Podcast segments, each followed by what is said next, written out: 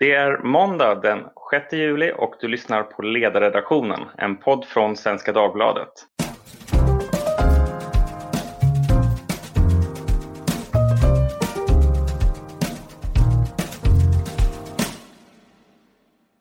Jag heter Fredrik Hultman och idag ska vi tala om kompetensutvisningar. Precis för den här poddinspelningen så meddelades att migrationssamtalen mellan Moderaterna och Socialdemokraterna har brakat samman. Men idag så ska vi prata om något som inte har ingått i migrationskommitténs förhandlingar, eh, nämligen om arbetskraftsinvandring. Arbetsmarknadsnytt uppmärksammade nyligen fallet med Kemi Gabadebo som en jurist från Nigeria som tidigare har beviljats arbetstillstånd i Sverige vid två tillfällen. Nu ska hon utvisas för att hennes tidigare arbetsgivare missat att utlysa den tjänst hon fick på rätt sätt. Detta är bara ytterligare ett av många liknande fall som uppmärksammats i media de senaste åren. Förra veckan gav regeringen, efter krav från riksdagen, nya direktiv till den redan pågående utredningen om arbetskraftsinvandring och ett förslag om att stoppa kompetensutvisningarna kommer presenteras i början på nästa år. Och för att diskutera de här frågorna så har jag samlat ihop en panel bestående av Fredrik Bergman, chef på stiftelsen Centrum för rättvisa, Dimitris Giolekas, VD och medgrundare för Nightech och Caspian Rebinder, programansvarig för arbetsmarknadsfrågor på Timbro. Varmt välkomna! Tack så mycket! Tack, tack. Dimitris, om vi tar avstamp i en text som du skrev nyligen på Dagens Industris debattsida eh, om att en del tjänster, exempelvis vad gäller bärplockning, borde kunna fyllas av svenskar men att näringslivet i stort har be stort behov av specialistkompetens från utlandet. Varför behöver näringslivet arbetskraftsinvandring egentligen? Kan vi inte fylla alla företagens kompetensbehov med personer som redan bor i Sverige? Eh, jag, tror, jag tror att för, att för att kunna ta avstamp i den frågan så tror jag man måste se, jag har i alla fall försökt att se Sverige i ett större perspektiv där en rad olika kompetenser kommer att behövas framöver. Vissa är enklare kanske att hitta i Sverige. Medan andra kommer vi att behöva hjälp, hämta hjälp från egentligen världens alla, alla hörn. Och eh, eh, några av de här utvecklingarna som sker nu, de är ju dessutom inom områden som är extremt attraktiva för, den, eh, för det svenska näringslivet och för den svenska industrin. Och att då det parallellt sker utvisningar av de områden, ja, det är fruktansvärt. Sedan finns det ju områden där det finns också, inte minst ungdomar i Sverige, som skulle kunna ta den här typen av arbeten under en period, kanske till och med under en sommarperiod. Och för mig är det då parallellt när vi nu vet att vi har en arbetslöshet i Sverige och att det finns personer som faktiskt skulle kunna ta den här typen av arbeten, att vi inte ställer också krav parallellt med att man gör det.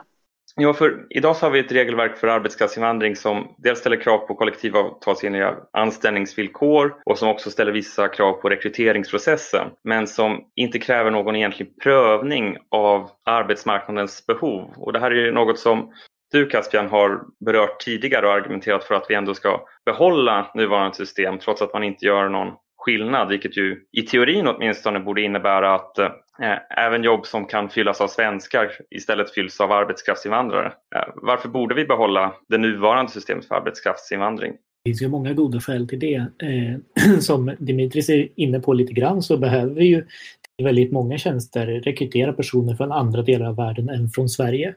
Det finns eh, kompetens, det finns eh, kunskap som vi inte företag i Sverige inte snabbt och effektivt kan fylla eh, inhemskt. Och då är det helt nödvändigt att vi får, har andra rekryteringsmöjligheter. Och det här ser vi också från forskning och utredningar att arbetskraftsinvandrare, rekrytering av arbetskraftsinvandrare har en positiv effekt på företags förmåga att skapa ekonomiska värden, bidrar med uppskattningsvis tiotals miljarder kronor i ökad produktion, i ökade skatteintäkter och det du är inne på som fråga här, varför ska vi inte behovspröva så att vi bara rekryterar dem till de yrken som verkligen behövs? Det finns ju två, två saker som man behöver ha med sig här. Det ena är ju eh, motfrågan, är byråkrater bättre än arbetsgivare på att bedöma vad arbetsgivare behöver? Är det så att vi får en bättre matchning för arbetsmarknadens behov om det är Arbetsförmedlingen eller Arbetsmarknadsdepartementet som sitter och gör listor över vilka jobb som får och inte får rekryteras från andra länder? Eller är det så att arbetsgivare själva har en bra bild av rekryteringsmöjligheter, rekryteringsbehov och liknande? Och det andra är att om man försöker svara på den frågan empiriskt och titta på vilka är det som faktiskt får jobb i Sverige. Eh, så kan jag konstatera att nästan all arbetskraftsinvandring till Sverige går till yrken där Arbetsförmedlingen bedömer att det finns eh, brist på arbetskraft. Eh, eh, stor eller mycket stor brist på arbetskraft. Eh, nästan ingen arbetskraftsinvandring alls går idag till yrken med eh, överskott på arbetskraft inom Sverige. Så även om man vill ha ett system där man bara eh, tillåter arbetskraftsinvandring till bristyrken verkar det fungera ganska bra i Sverige idag. Men för att då hoppa vidare till kompetensutvisningarna. För de här utvisningarna har ju fått rätt så stor medial uppmärksamhet under en väldigt lång tid, sedan flera år tillbaka. Och är ju ett resultat av det system som för arbetskraftsinvandring som vi har idag och de olika skärpningar av reglerna man har gjort i det. Och ett retoriskt grepp som vissa politiker använder sig av för att beskriva varför de här utvisningarna är orättvisa är ju att peka på att dömda våldsbrottslingar eh, ofta inte utvisas samtidigt som arbetskraftsinvandrare som arbetar och som inte har begått några brott utvisas för att deras arbetsgivare har gjort misstag. Eh, och Fredrik, du som är juristen här bland oss, kan du reda ut för lyssnarna varför regelverken är så? Ja, men det där är en, det är en väldigt bra fråga och tar man från ett juridiskt perspektiv så är det två olika regelverk man tittar på. Det ena handlar om möjligheten att utvisa en person som en sån här straffsanktion och andra, och andra regelverket är då förutsättningarna för arbetstillstånd. Och då är det så att om man ska utvisa en person på grund av brott, då handlar det om att brottet måste bedömas som tillräckligt allvarligt. Och i vissa situationer så krävs det väldigt allvarliga brott, till exempel beträffande personer då som är flyktingar för att de ska kunna utvisas. Så att man tittar i de situationerna, alltså på, på brottets allvar.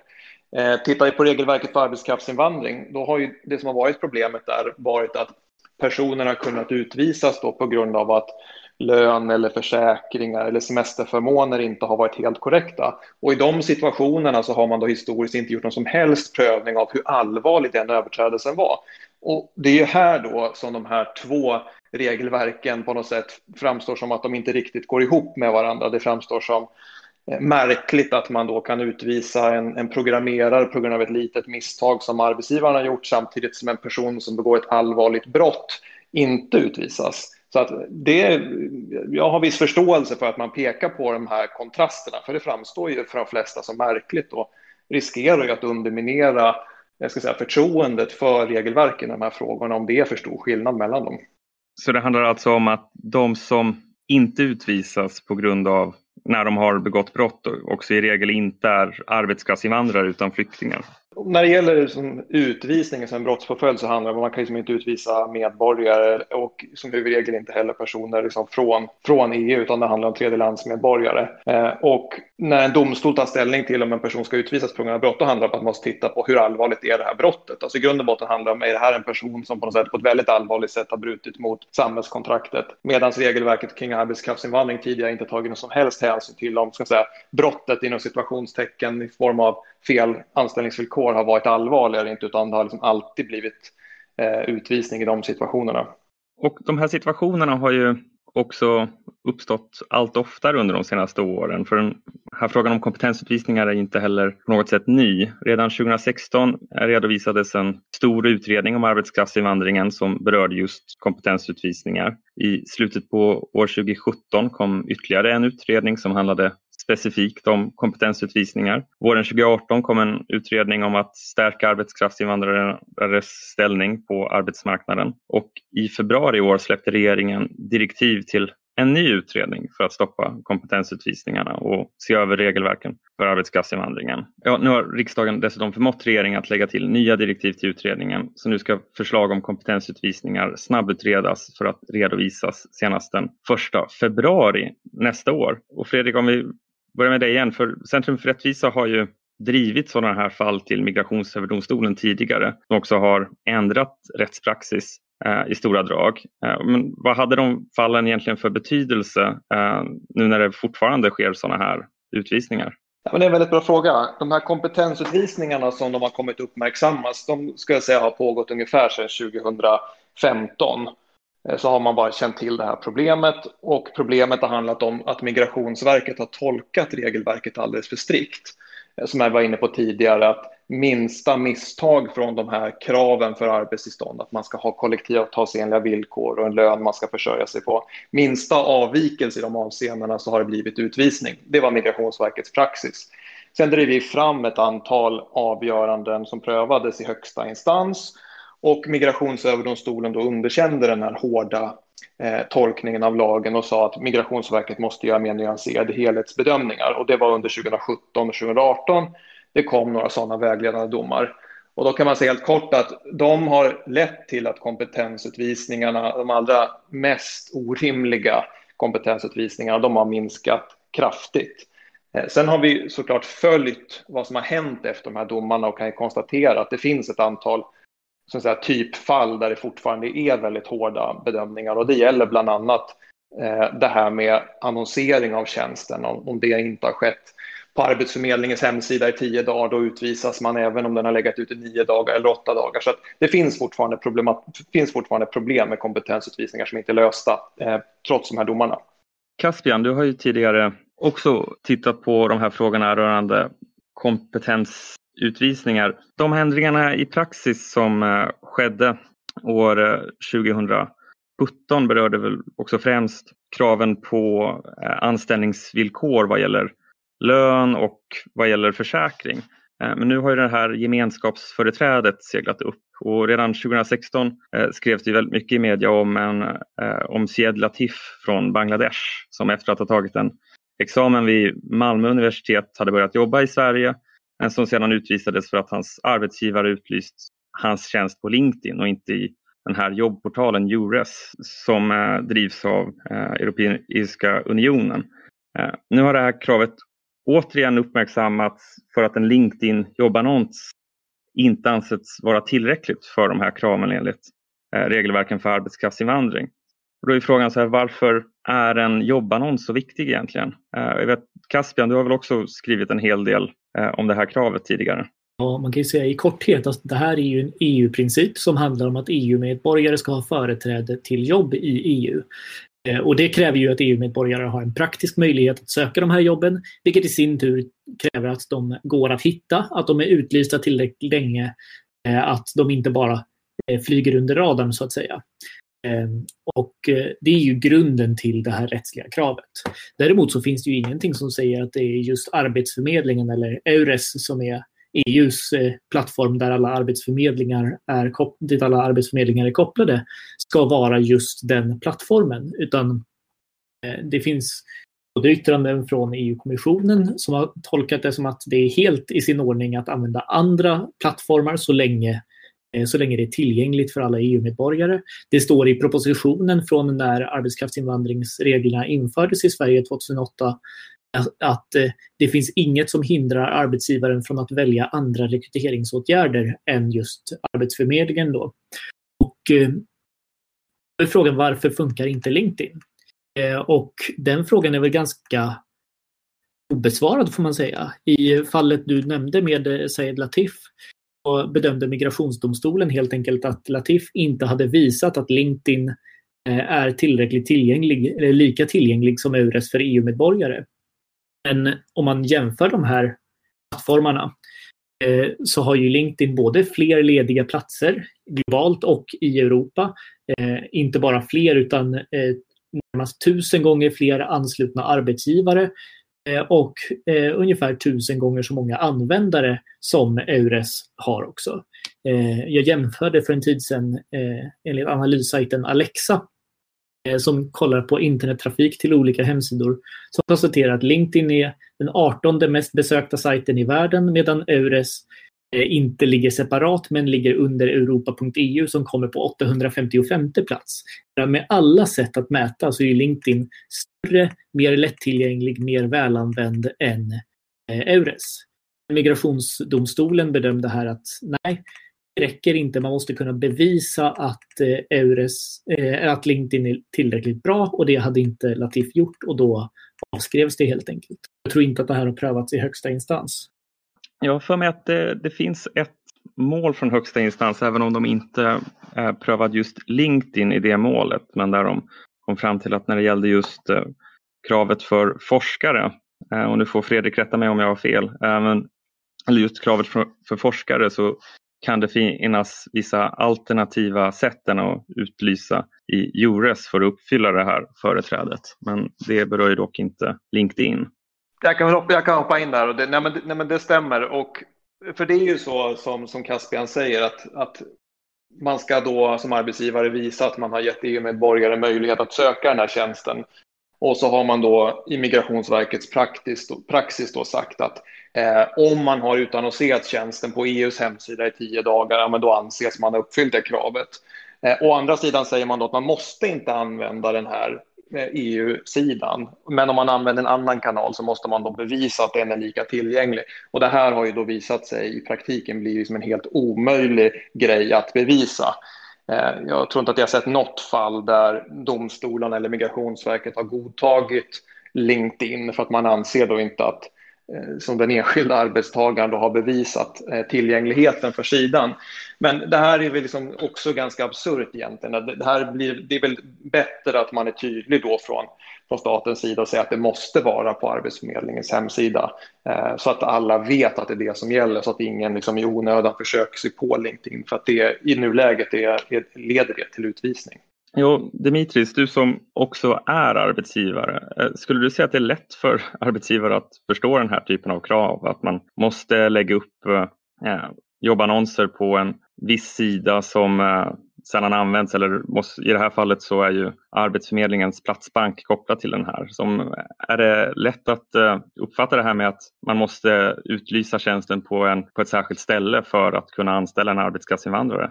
Eh, jag tror lite grann att eh, bara den diskussionen som vi har haft nu visar faktiskt på motsatsen. Alltså vi har haft, vi har haft konsulter inne vars enda uppgift har varit att kunna managera eh, den kompetensen som vi har anställt från andra länder i Sverige. Så att det har varit deras huvudsakliga uppgift att ta hand om detta för att säkerställa att vi inte tappar personerna. Och då är det ändå rent kompetensföretag med specialister ungefär 700 personer. Men trots det så har vi inte kunnat managera detta själva. Det har krävts att vi har tagit, ut extern hjälp, tagit in extern hjälp för att kunna göra detta. Och eh, jag går nästan tillbaka lite grann till den här ursprungsfrågan. Varför är kompetensrekrytering oavsett bakgrund, oavsett land så oerhört viktig? Och jag tror att vi som land måste ha en tydligare vision att vi ska vara en kunskapsnation.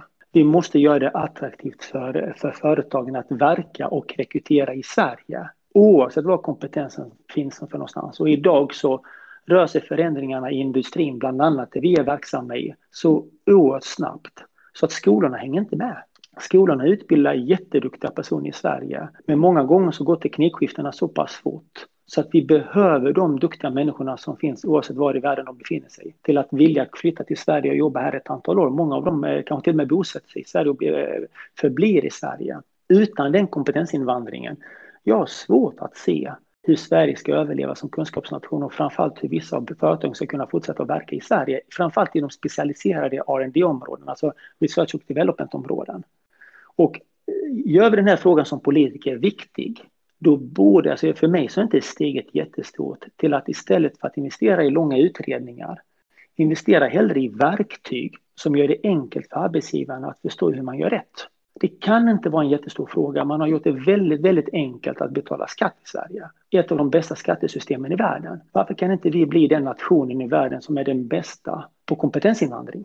Ja, frågan är väl också här, vad blir egentligen konsekvenserna av de här utvisningarna? För de de som utvisas kan ju efter längre tid ändå återinvandra till Sverige som arbetskraftsinvandrare genom att söka tillstånd på nytt och liknande. Även om det kan finnas vissa svårigheter med det så finns det inte särskilt många formella hinder för att de ska kunna göra det. Men så vad blir egentligen konsekvenserna av den här typen av utvisningarna? Hur får det arbetsgivare att agera och hur agerar arbetskraftsinvandrare? Är det lika många som vågar arbetskraftsinvandra hit när vi har den här typen av regelverk? Vi har ett konkret skarpt case från vår egen verksamhet.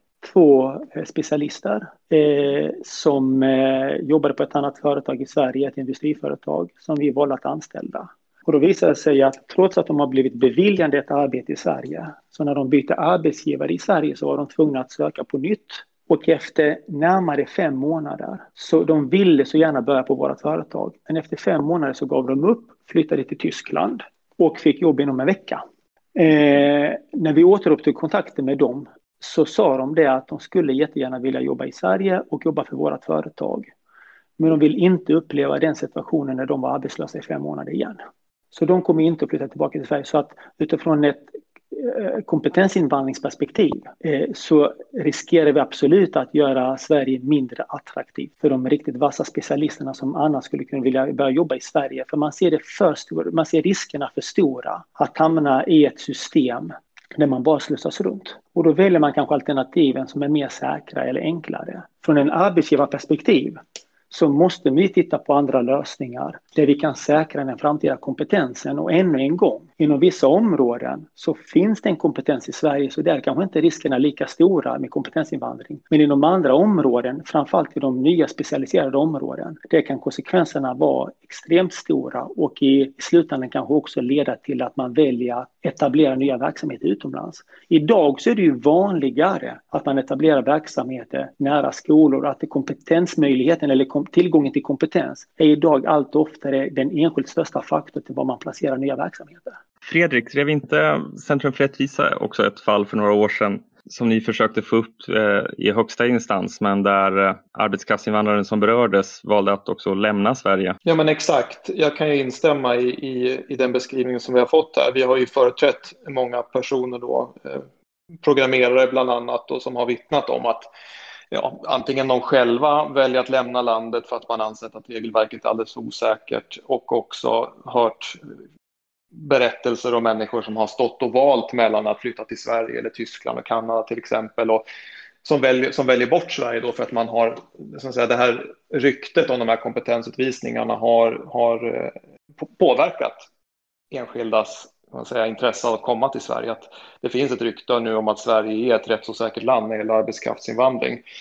Eh, och det fallet som du syftar på, Fredrik, det var ju eh, programmeraren Tayyab Shabab som det var ett väldigt uppmärksammat fall. Som då skulle utvisas på grund av en, en tidigare arbetsgivares misstag med en, en försäkring. Och eh, hamnade ju i en, i en lång process och det var ju vi, vi hjälpte ju, Centrum för rättvisa hjälpte honom då att driva hans fall. Men att på, liksom påfrestningen av att inte veta vad som skulle hända med honom, att han fick vänta månad in och månad ut gjorde att han och hans hustru bestämde sig för att flytta till Tyskland istället och det var samma sak där som vi hörde nyss, det var inga problem att få Eh, arbetstillstånd för en, för en skicklig programmerare. Så att där, där förlorade Sverige en talang. Det kravet är ju lite speciellt för i hans fall så var det inte hans dåvarande arbetsgivare som hade gjort fel utan det var hans tidigare arbetsgivare som hade gjort fel. Och eh, så var det även i det här senaste fallet som uppmärksammades med den nigerianske juristen Kemi Kavadebo att det var inte hennes nuvarande arbetsgivare som hade brustit utan hennes tidigare arbetsgivare. Hur kan det komma sig så att eh, en arbetsgivare gör fel, eh, sen så byter arbetskraftsinvandraren jobb, får ett nytt jobb och nytt arbetstillstånd och sen i efterhand så kommer Migrationsverket och eh, väljer att utvisa arbetskraftsinvandraren. Ja, det där som jag nämnde tidigare, kompetensutvisningarna har minskat efter de här vägledande domarna, men det är två typsituationer som vi ser där det fortfarande sker orimliga utvisningar. Det ena gäller de här annonssituationerna som vi har pratat om tidigare och det andra är det här med brister hos tidigare arbetsgivare. Och när frågar man sig varför Migrationsverket utvisar en person som har en bra anställning på grund av en, en tidigare arbetsgivares misstag. Så det finns inte något vettigt svar på den frågan. Det här är som en helt fullständigt orimlig tolkning av lagstiftningen. En tolkning av lagstiftningen som helt tappat verklighetsförankring. Det finns liksom ingen poäng med att utvisa en person. Vi företräder en person nu som heter Ali Mumi som är ingenjör hos ABB. Han utvisades på grund av att en arbetsgivare i två led bak, alltså inte förra arbetsgivaren utan förrförra arbetsgivaren, hade missat en försäkring. Det, för mig är det helt hål i huvudet att utvisa en sån person. Det, det är total förstöring för samhället och för enskilda.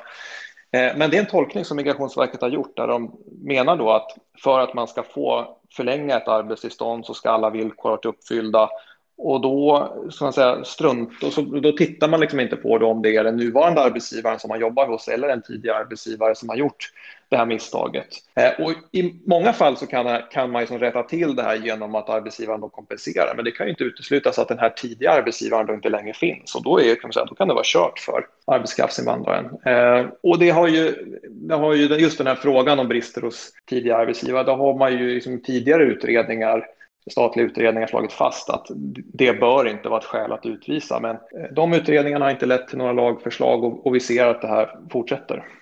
Någonstans så handlar inte det i grund och botten om att vi, vi måste någonstans bestämma oss i Sverige. Vill vi göra den här frågan viktig eller inte? Och är kompetens, tillförseln av kompetens i näringslivet, är det en viktig fråga eller inte? För i första hand så handlar det såklart om att kunna tillföra kompetens med de skolorna vi har också. Men i en globaliserad värld med en allt snabbare teknikutveckling och transformation. Jag menar, det, alltså det finns ju matematiska, matematik, det kommer inte att räcka till. Så vi kommer att behöva göra på ett eller annat sätt en kompetensinvandring, framförallt inom valda områden. Ibland så skulle jag gärna vilja ställa mig frågan, Arbetsförmedlingen, vad är deras uppdrag? För vi borde ha en myndighet som en arbetsförmedling vars uppdrag är att säkra kompetenstillförseln. Arbetsförmedling att säkra kompetenstillförseln i svenskt näringsliv, oavsett var den kommer ifrån. Jag vill bara utmana den frågan lite grann. Vad, är själva, vad mäts man på och vad är själva kopiet? Vad är själva uppdraget för Arbetsförmedlingen?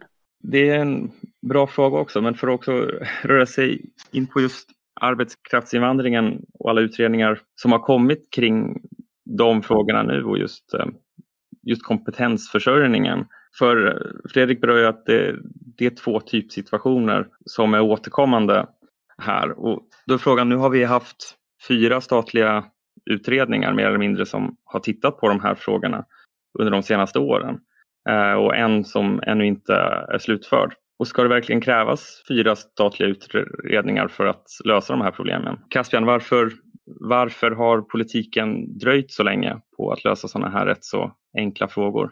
De här, de här olika utredningarna har ju tittat på många olika saker och verkligen inte bara kompetensutvisningar utan andra problem också som rör arbetskraftsinvandring, andra utmaningar, andra saker man vill lösa. Så problemet är väl inte hur många utredningar det är. Däremot så är frågan helt riktig som du ställer.